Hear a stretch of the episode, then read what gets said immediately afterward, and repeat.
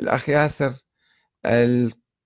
التهيفي التهيفي يقول مثل الإمام المهدي مثل الخضر. يا علي من قال لك أكو شيء اسمه واحد خضر؟ عبد صالح زمن نبي موسى واجى أعطاه درس وراح. من قال لك باقي حي؟ النبي عيسى الله توفاه مو مو مسؤول عن الأمة الإسلامية ولا مكلف فلما توفيتني كنت أنت الرقيب عليهم. مو مكلف بقيادة الأمة. الإمام مفروض فيه أن يقود الأمة. كيف يقود وكيف يغيب؟ هذا ما يصير. يستقيل يعني معناته. فهذا آه، مو صحيح يا أخي العزيز. مجاوب أخ عبد الله الحجوري يقول له لم يكن إماما منصبا هذا الخضر وليس حجة على الأقل. أه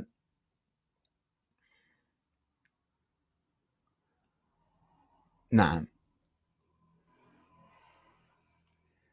كريم الأسدي يقول الإمام هو أحد الثقلين. طيب إذا ما موجود يعني افترقوا. طيب ما موجود. من قال لك أصلا حديث صحيح هذا؟ وعدم وجوده يعني في افتراق يعني عندنا بس القرآن باقي. فإذا أنت ليش تفترض في الحديث صحيح؟ ومن هذا الحديث تريد تفترض وجود إنسان؟ ومن يقول لك هو هذا الإنسان اللي باقي؟ يمكن في السيد آخر من السادة. أو واحد من سلالة أخرى من الأئمة. خمسين ألف مليون كما عندنا من السادة الآن. فمع الأسف ما أعرف كيف أكو خلل آه، مشكلة كبيرة في تفكيرنا. يعني نجيب قياس باطل نجيب أحاديث غير صحيحة فرضيات وهمية ومسوي منها دين كوكتيل كوكتيل من الأساطير مسوي مذهب وعقيدة ودين ونتعارك ويا ناس ونكفرهم عليه.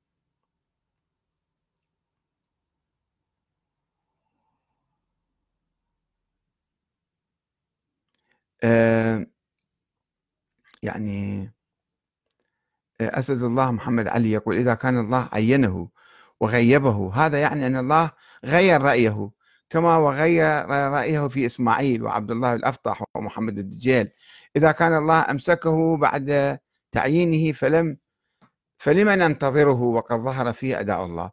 وشلون هذا النقطة الأخيرة اللي أشرت لها إليها. أنه آه، آه، الله بيد الله تعالى الغيبة بيد الله يعني كيف الله كيف يعرف هذا الإمام لو كان موجود؟ كيف يعرف أنه آه الله راح يقول له اليوم أظهر؟ هو ما يقدر الأمور ما راجع لتقديره الشخصي. لازم ينزل عليه جبرائيل وجبرائيل ما ينزل على شخص بعد النبي محمد ولا ينزل وحي على أي إنسان. وهذا العمر الطويل هذا عمر اعجازي ولا معجزة حتى النبي محمد ما جاب معاجز. فليش؟ آه ليش واحد يكون عمره طويل؟ ما يصير نقيس على النبي نوح. ذك الله ذكره بالقرآن. كل شيء الله ذكره بالقرآن إحنا نصدق به كمسلمين. ولكن مو يجي كل واحد من عندنا آه، يخترع له قصة أن واحد ولد من دون أب. مثل عيسى ولد من دون أب. هذا ما يصير واحد يسوي قياس. أو مو مو هذا الثاني عشر يمكن واحد آخر يقول أنا عمري طويل. هم نفترض عمره طويل وباقي. ما يصير الشكل الواحد يعني أكو مشكلة كبيرة في آه، تفكيرنا ملخبط. فعلا شيء عجيب غريب صارين. ما عندنا هدى في التفكير. ما عندنا آه، آه، يعني مقاييس ثابتة في التفكير. وقرأت لكم قبل أيام حديث الإمام الرضا لو كان الله يمد في أجل يمد في أجل أحد لحاجة الخلق إليه لمد الله في أجل رسول الله. فلماذا يموت أبي ويموت رسول الله ولا يموت أبي؟ كما كان يقول الواقفية. هذا المنطق العقلائي العقلائي أو العقلاني. آه، البعض قال لي واحد راسلني قال هذا الحديث مجهول أو ضعيف مثلا.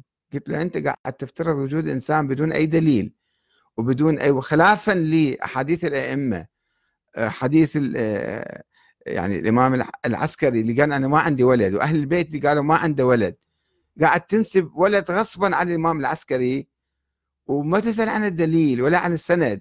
تجي هذا الحديث تقول ما في سند صحيح؟ آه، فعلا شيء مضحك. بعض الأخوة شوف شلون يفكرون.